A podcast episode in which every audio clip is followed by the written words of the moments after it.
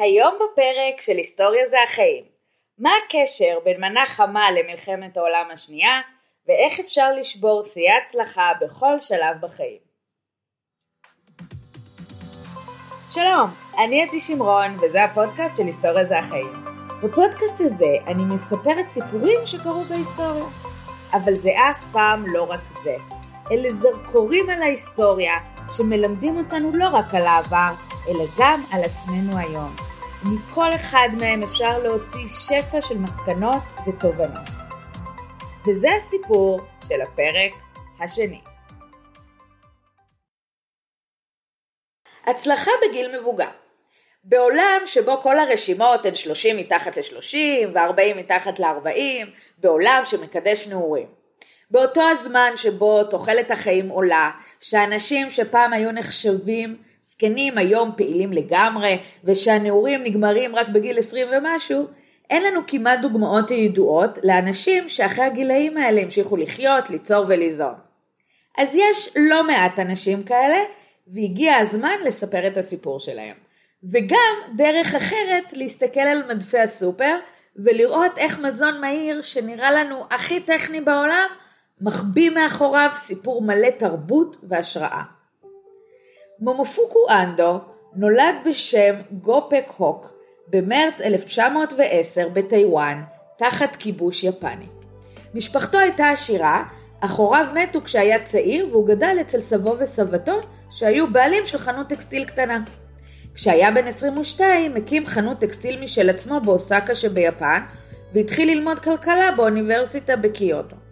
הוא נישא לאישה יפנית ונולדו להם שני בנים ובת. אחרי מלחמת העולם השנייה הפך לאזרח יפני. אנדו הוא שם המשפחה היפני של רעייתו. השם המופוקו הוא הקריאה היפנית של שמו המקורי. כסטודנט הקים אנדו חברת שיווק עם כסף שירש ממשפחתו. כשהיה בן 38 נכנס לכלא לשנתיים על העלמת מס, מה שאחר כך טען שהיה קשור לתרומות שהעניק.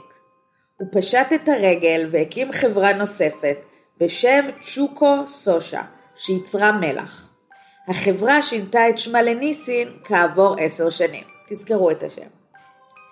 בשנת 1958 מומופוקו אנדו היה פושט רגל בן 48. ואז הוא נזכר איך עשר שנים קודם לכן הלך ברחוב הקר וראה אנשים לבושי סחבות, רועדים מקור, עומדים בתור ארוך מול דוכן מואר באור חלוש. 20-30 אנשים בתור אחד מחכים לאוכל, לראמן. הוא הבין כמה אנשים מוכנים לחכות בעבור האטריות האלה. השנים הן השנים שאחרי מלחמת העולם השנייה, שבה יפן הייתה כידוע בצד המפסיד.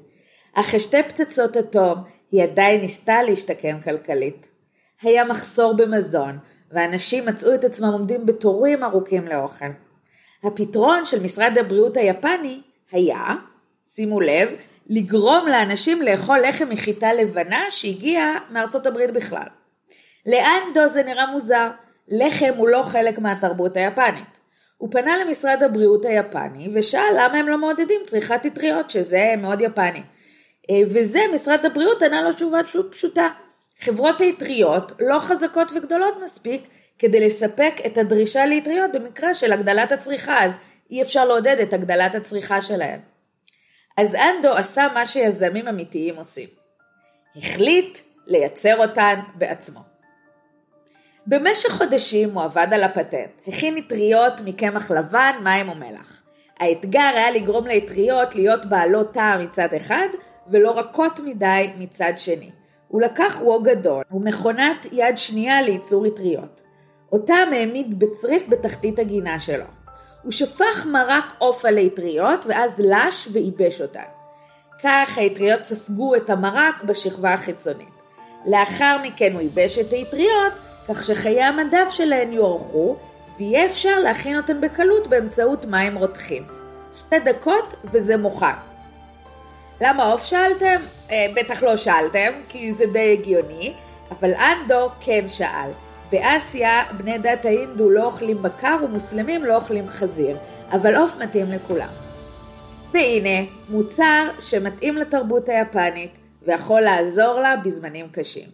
הוא שיווק אותן תחת השם צ'יקין ראמן. עד מהרה הוא זכה לכינוי מר אטריות. מה שכן, זה לא היה זול. האטריות נמכרו ב-35 ין ליחידה, שזה בערך פי שישה מהמחיר לאטריות טריות. אבל נוחות ההכנה של האטריות המיובשות כנראה עשתה את שלה. ועם הזמן האטריות האלה החלו להימכר יותר ויותר. תאגיד מיצובישי החל לשווק אותן, מה שכמובן עזר, ובשנת 1970 פתח אנדו את המפעל הראשון של ניסין, החברה שלו בארצות הברית. אבל רגע, זה לא כל הסיפור. הבטחתי גיל מבוגר, וגיל 48 זה מבוגר במידה מסוימת לפריצת דרך, אבל אני רצינית ועומדת בהבטחות שלי. השינוי האמיתי הגיע בשנת 1971, כשבמופוקו אנדו היה בן 61. אטריות מהירות זה נחמד, אבל עדיין צריך למצוא קערה נקייה, מקלות אכילה כמובן, ולשטוף אה, בסיום האכילה. אנדו היה יזם בלב ובנשמה ולא הפסיק לנסות לשפר, ללמוד ולהיות יצירתי.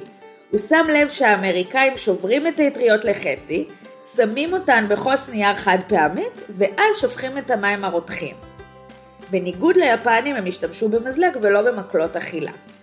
הוא החליט לייצר אטריות אינסטנט, אטריות מהירות, בתוך כוס מקלקר, שבה התחתית צרה יותר מהראש, כדי לשמור על החום בצורה מיטבית. המוצר אטריות בכוס יצא לשוק בספטמבר 1971. המחירים ירדו והמכירות עלו. בפברואר 1972, שימו לב למהלך השיווקי המקרי פה והמדהים. היה משבר בני ערובה במלון ביפן. חכו לאטריות.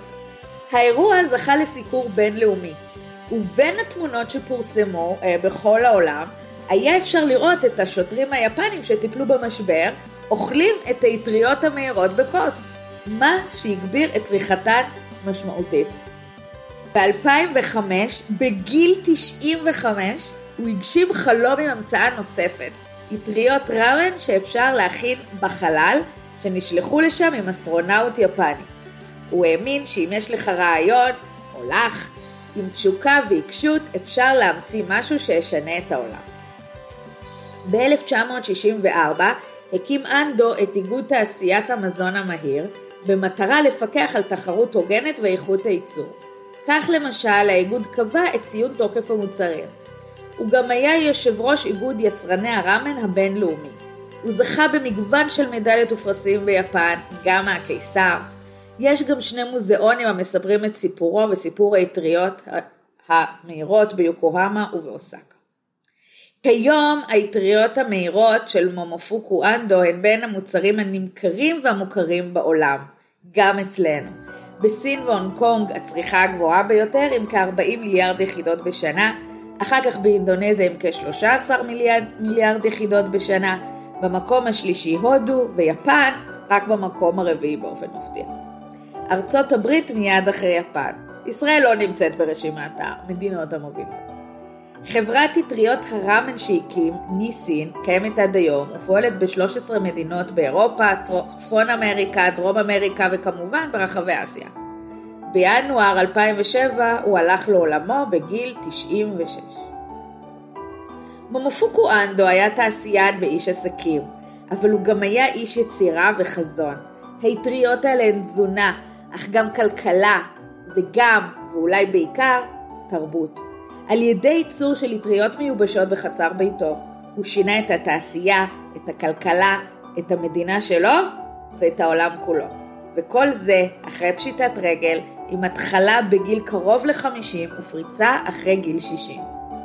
מה הפלא שבגיל 95 הוא הגיע לחלל?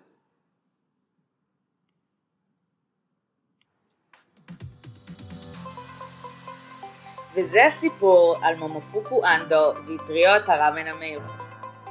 יש גם קבוצת פייסבוק חדשה לפודקאסט, אז אפשר ללכת לשם ממש עכשיו, להצטרף לקבוצה ולדבר.